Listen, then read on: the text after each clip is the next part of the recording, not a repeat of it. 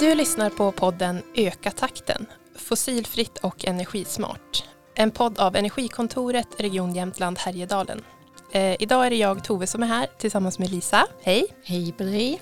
Det känns som att det var ett eh, tag sedan jag var här men det är skönt att vara tillbaka. Ja men mycket.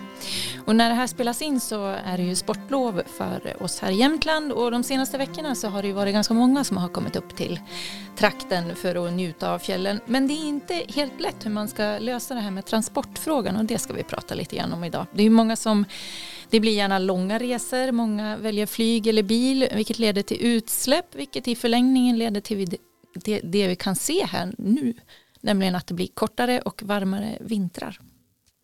Ja, eh, och just eh, transporter som du var inne på och resor står ju för en stor del av de totala koldioxidutsläpp, koldioxidutsläppen som vi har här i länet.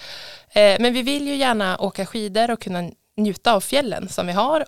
Därför är det viktigt att fundera på hur vi kan göra det på ett bra sätt. Och en som har funderat en hel del på det här eh, är faktiskt med oss eh, i studion här idag. Välkommen Tom Oliver Hedvall. Ja, tack så mycket. Kul att du ville vara med i det här avsnittet och prata om de här eh, frågorna. Det kanske inte är alla som känner till eh, dig, så vem, vem är du? Ja, vem är jag? Jag heter Tom Oliver Hedvall. Jag är född och uppvuxen i Funäsdalen. Eh, sedan började jag gymnasiet i Åre, så jag flyttade dit och gått skidgymnasium och sen påbörjade jag en professionell karriär som skidåkare för att det gick ganska bra att åka skidor helt enkelt.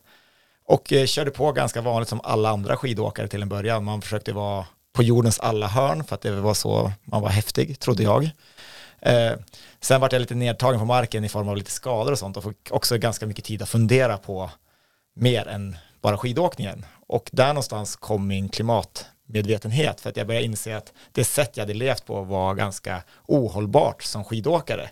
Eller som medborgare på planeten jorden. Men just då kändes det som mig som skidåkare att jag som faktiskt levde på att det fanns snö, vintrar, var liksom en av de som kanske hade absolut högst individuellt koldioxidavtryck på mitt liv. Och det kändes som en ganska dålig symbios. Så där någonstans tog jag ett beslut att försöka minimera mitt, mina utsläpp som professionell skidåkare. Men hur kom du fram till det då? Vad var det som eh, ledde till att du fick de tankarna när du satt på kammaren och var sur över att du var skadad?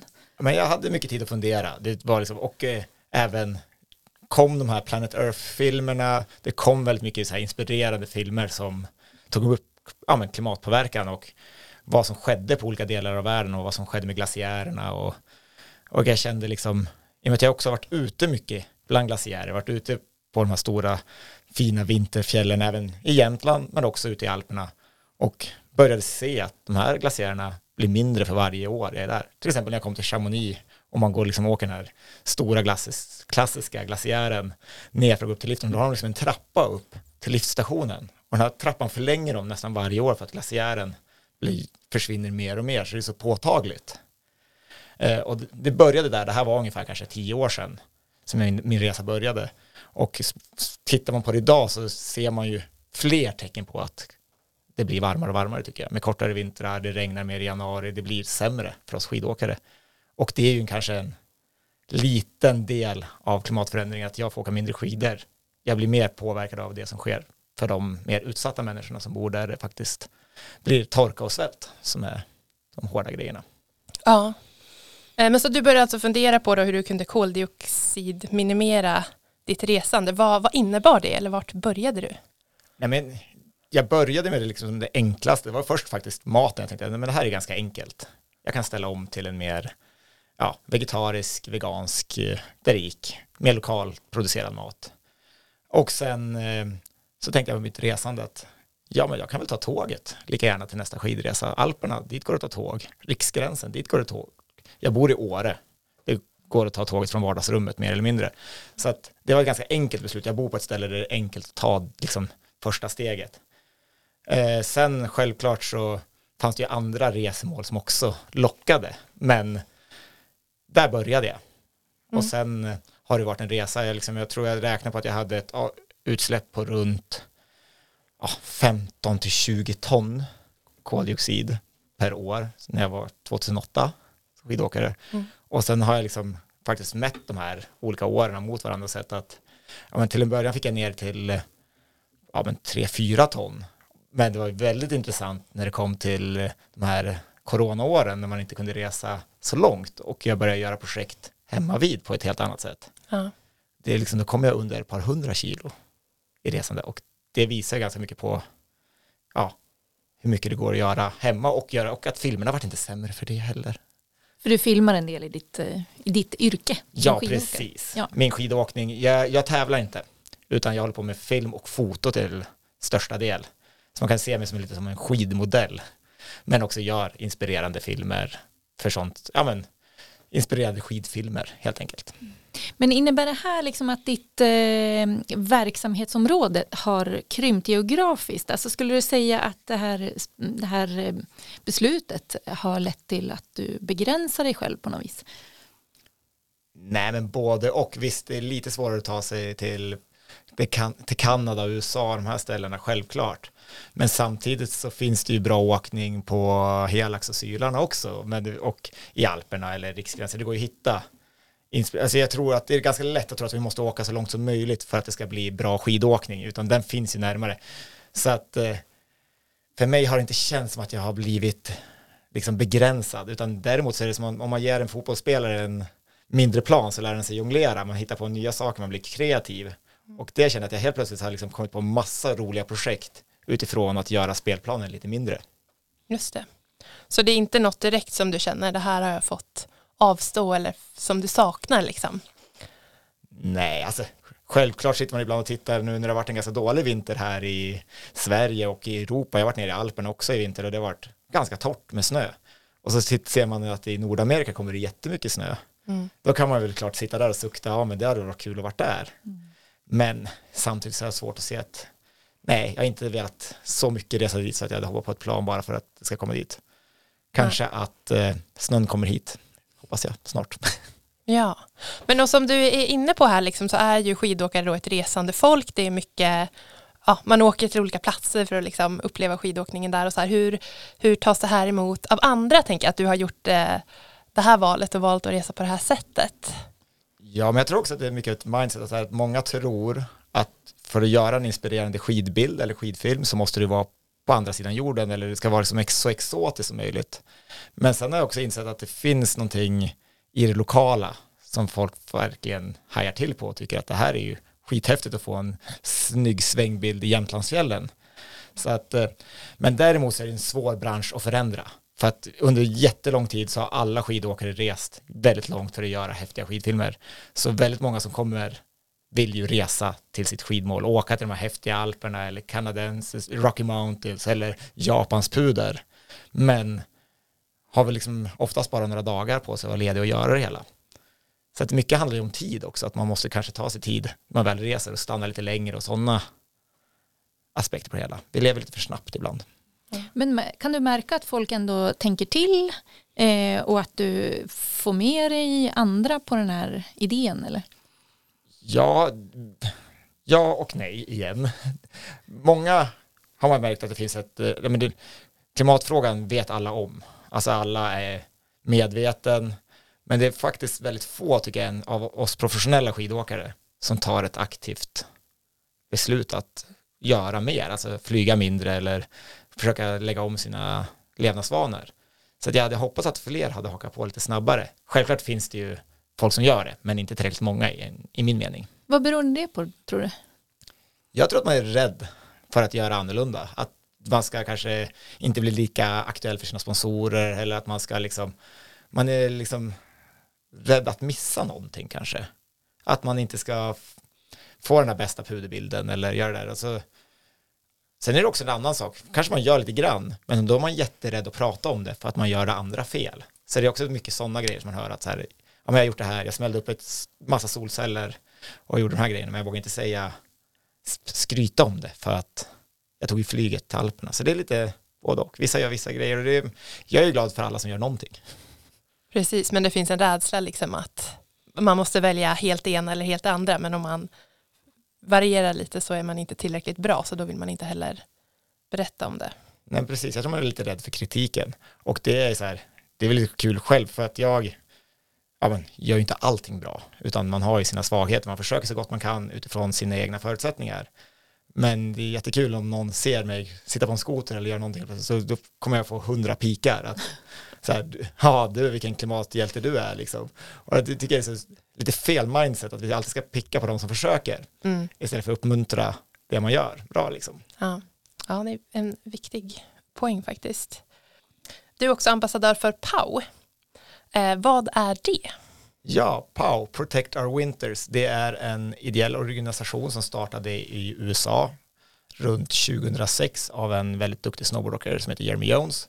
Sen har det växt från det, från USA till nästan alla europeiska länder. Så vi har liksom PAO Sverige, vi har PAO Norge, PAO Schweiz och sen har vi ett, para, det är som ett paraplyorganisation med eh, PAO Europa i, i mitten kan man säga för oss här i Europa. Och eh, det vi gör är väl att försöka inspirera snösportsvärlden till att ta hållbara beslut, både individ, individuellt men också företag och politiker. Att vi kan liksom bli snösport och kanske inte bara snösport, men vi har växt till att vara egentligen utemänniskornas röst i Mm. klimatfrågan och försöka få med allihopa att kunna påverka framförallt politiken att skynda på. Ja, men jag tänkte precis på det politiska och det individuella, för det här handlar ju så himla mycket om, eh, ofta om att individer ska fatta ett beslut. Och det, det är klart att vi måste göra det. Uppenbarligen så går det att förändra väldigt mycket bara som en enskild person. Men vad behöver det politiska göra, tänker du? ja, men man skulle vilja snabba på väldigt mycket.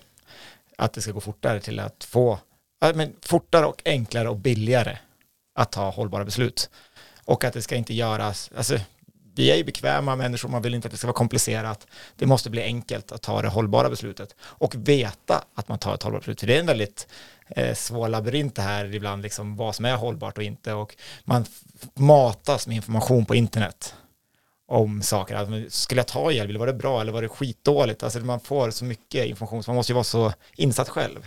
Mm. Så jag skulle vilja att det skulle bli mycket enklare att få rätt information och även kunna ta bussen ska vara billigt, man ska kunna åka kommunalt, man ska liksom kunna göra de här grejerna. Och sen förstås är det jättestora frågor energipolitiskt med vilken typ av energikraft vi ska ha. Ja. Men ändå så att från politiskt håll underlätta för alla att göra de här rätta, rätta valen. Ja men så ser det i alla fall, om man ska se det från indiv- individnivå så vill Ja. man ju att det ska vara enkelt att vara hållbar. Ja. Inte vara ett pussel som är nästan helt omöjligt att lägga. Nej.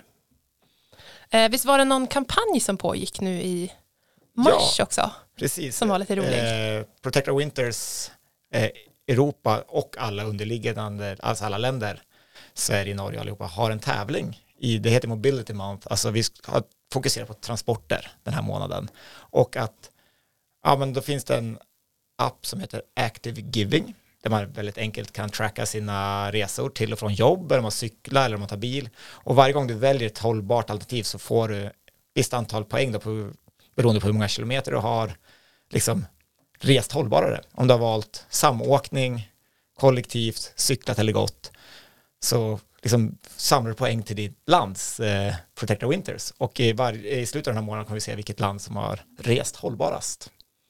Kul! Ja men superroligt och eh, roligt sätt att liksom pusha sig själv lite grann. Som jag stod häromdagen så stod jag utanför huset och bara, ja ska jag ta bilen eller ska jag ta cykeln? Ja men det är mobility month så det är klart jag samlar lite poäng så då cyklade jag istället.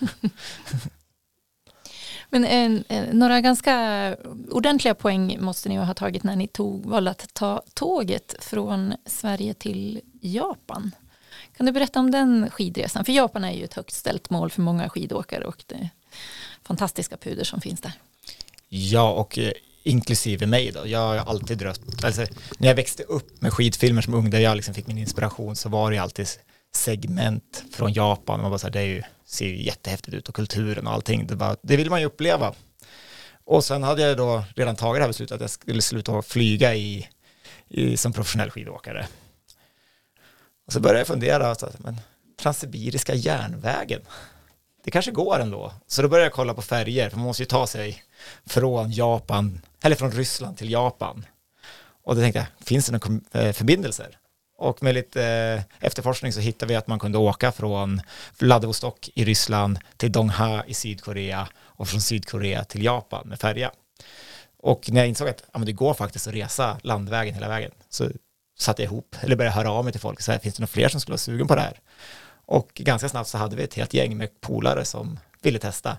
Och i det här polargänget så hade vi en väldigt duktig filmare så att vi gjorde en dokumentär om det. Ja, men du plockar hem ganska många poäng, fast du berättade innan vi började prata här om att du även fick lite skit för att folk försöker ändå så peta, peta på dig som försöker.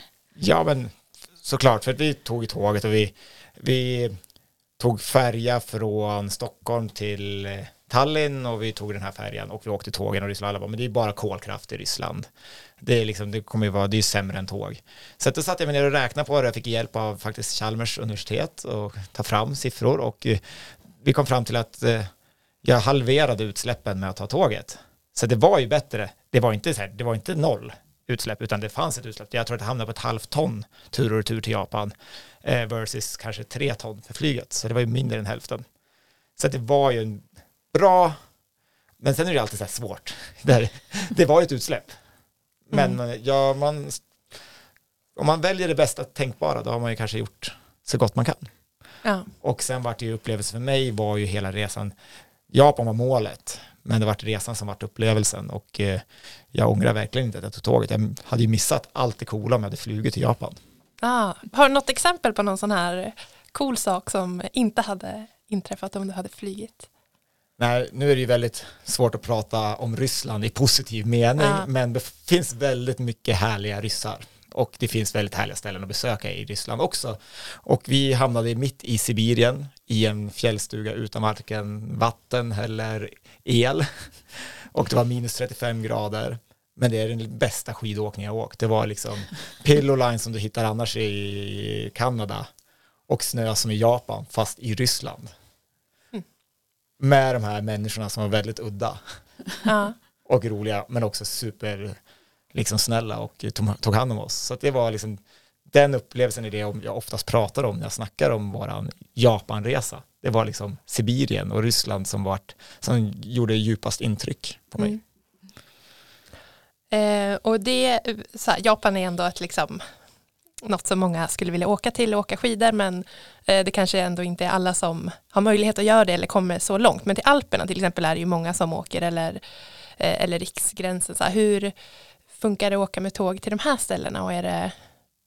Men superbra skulle jag säga. Nu, nu är jag en van tågåkare och klagar inte på tiden så mycket. Man, det tar ungefär från året så är det liksom halva resan i Sverige för att ta sig ner mm. till Alperna med tåg. Men eh, jag åkte ner nu för någon månad sedan och eh, ett nattåg till Stockholm och sen Stockholm-Hamburg, ett tåg och sen Hamburg-Zürich. Och så var jag nere, på två nattåg så var jag nere från året till mitt i Alperna. Och det funkade super, super bra tycker jag.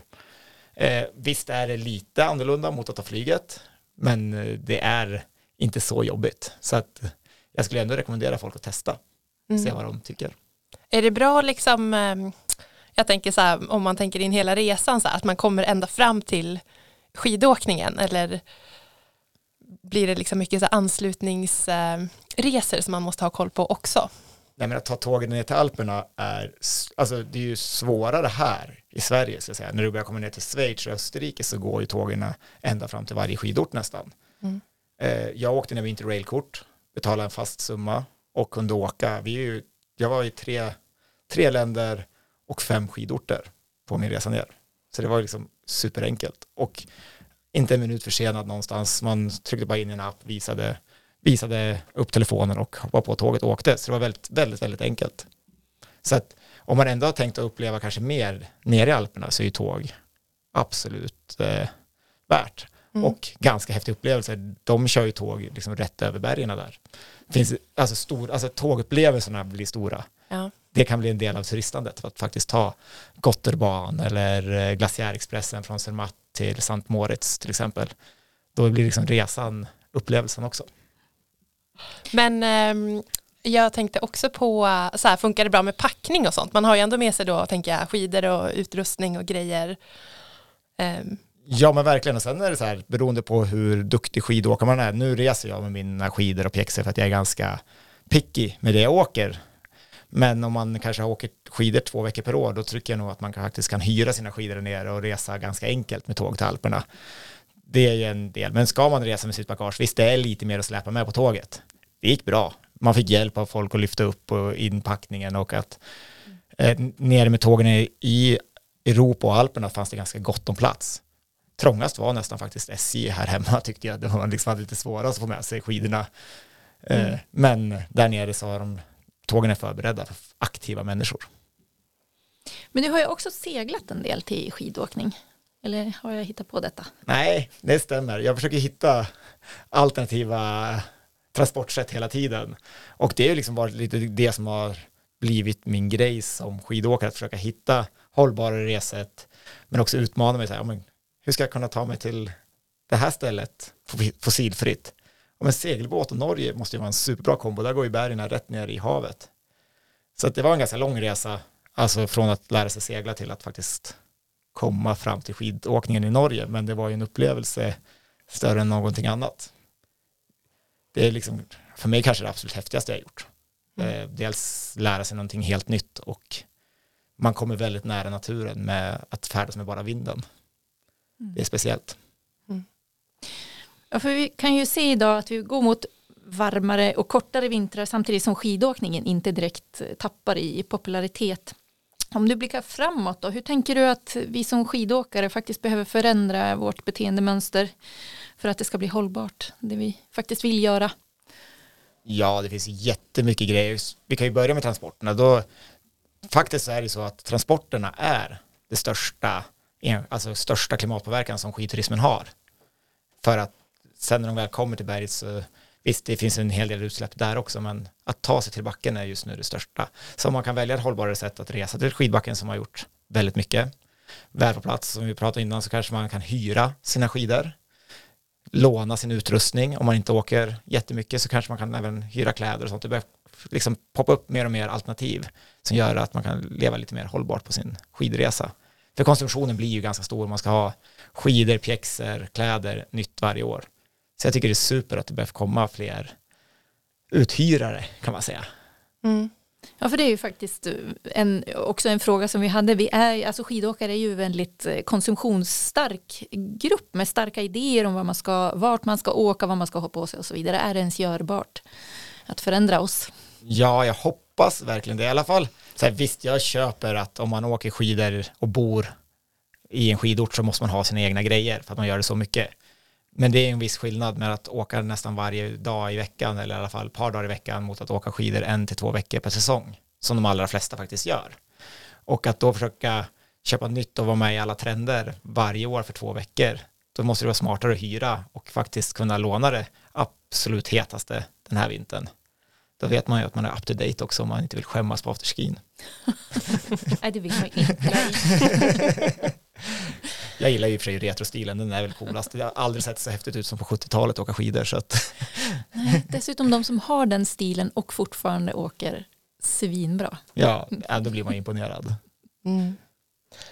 Eh, vad tänker du att det är som behövs för att liksom bevara skidåkningen? Ja, alltså det är ju samma sak som behövs för att rädda planeten egentligen. Mm. Det är ju alla delar. Vi har transporter, vi har energiförbrukning, vi har jag tror också, eh, som vi inte har pratat om här, är ju alla de här fritidsboendena som också byggs för att vara i en till två veckor per år. Där finns det säkert jättemycket vi kan göra för att få det hållbarare i framtiden. Man kommer till skidorten, då ska det ju finnas transporter som går fossilfritt till ditt hotell, till backen. Du ska, kunna, du ska faktiskt kunna faktiskt, om du ska ta dig till backen kommunal, eller till skidorten kommunalt, då måste du också kunna ta dig till backen kommunalt bra. Mm. Och att det tror jag är en stor grej, speciellt i Åre där vi har väldigt mycket problem med bilar under turistsäsongen. Man kommer ju knappt ut på vägen för att det är så mycket bilar som ska fram och tillbaks. Sådana grejer måste vi lösa. Och sen har vi liksom skidorter som inte ligger där vi har tåganslutning. Vi har liksom andra delar av Jämtland här i dalen som också ska leva och må bra på turism i framtiden. Bra uppmaningar till lokala aktörer här. Absolut. Eh, Men eh, vad, hur ser det ut eh, framåt och vad har du för skidresor planerade i vår? Ja, jag har ju zoomat in helt på våra egna fjäll den här vintern Mm. igen. Eh, Jag har ett projekt som vi ska göra här nu vecka 13. Jag håller tummarna för att vädret är bra. Och då ska vi testa att göra alla toppar över 1500 meter i Jämtland på en tur. Så det Oj. kommer vara manpower och i- inga, inga elfordon eller ingenting utan det ska försöka gå så mycket vi bara kan. Hur många sådana toppar har vi? Vi har 15 stycken. Det Men är några stycken. Ja. då ska man ju också tillägga typ som man kommer till helax. Då är det tre toppar på helax. Så Just att det, de, vissa kan man ändå klumpa ihop. Men jag tror jag ändå kommer vara ganska trött i benen. Förmodligen. Man hoppas ju att du är trött i benen efter något sånt, om inte annat. Men det är det som jag tycker är väldigt fint, att vi också kan uppmana liksom, att hitta äventyret på hemmaplan. För det är så lätt att se att man kan se coola äventyrsfilmer från andra sidan pölen. Liksom. Och sen kanske det finns ett äventyr här hemma som man inte har tänkt på innan. Mm. Och jag, liksom, jag upplevde ju Jämtlandsfjällen efter jag upplevde Alperna och liksom Japan. Ja. Även fast du är härifrån tänker jag jag. menar, jag bor, de jag har bott varit de här fjällen hela livet. Mm. Men man missar det. Ja. Det känns som ganska typiskt att man är dålig på att liksom, turista i sin egen bakficka. Ja. Eller turista, upptäcka sin egen bakficka kanske. Ja, jag var i bakvattnet förra helgen, det var, Ja. var helt nytt för mig. Ja. På tal om bakficka. ändå. Hörru du, stort tack för att du var med oss idag och hoppas eh, dina tankar eh, väcker funderingar hos många så att de vågar testa nya sätt att resa på. ja, och härligt tänker jag att du visar upp de här lokala äventyren som finns så att fler blir nyfikna på att upptäcka våra, våra nära fjäll som vi har här. Eh, vi vill också säga tack till eh, dig som har lyssnat på det här avsnittet. Eh, och om du vill komma i kontakt med oss på Energikontoret så går det bra att mejla till energikontoret regionjh.se. Och det här avsnittet finansierades av Energimyndigheten.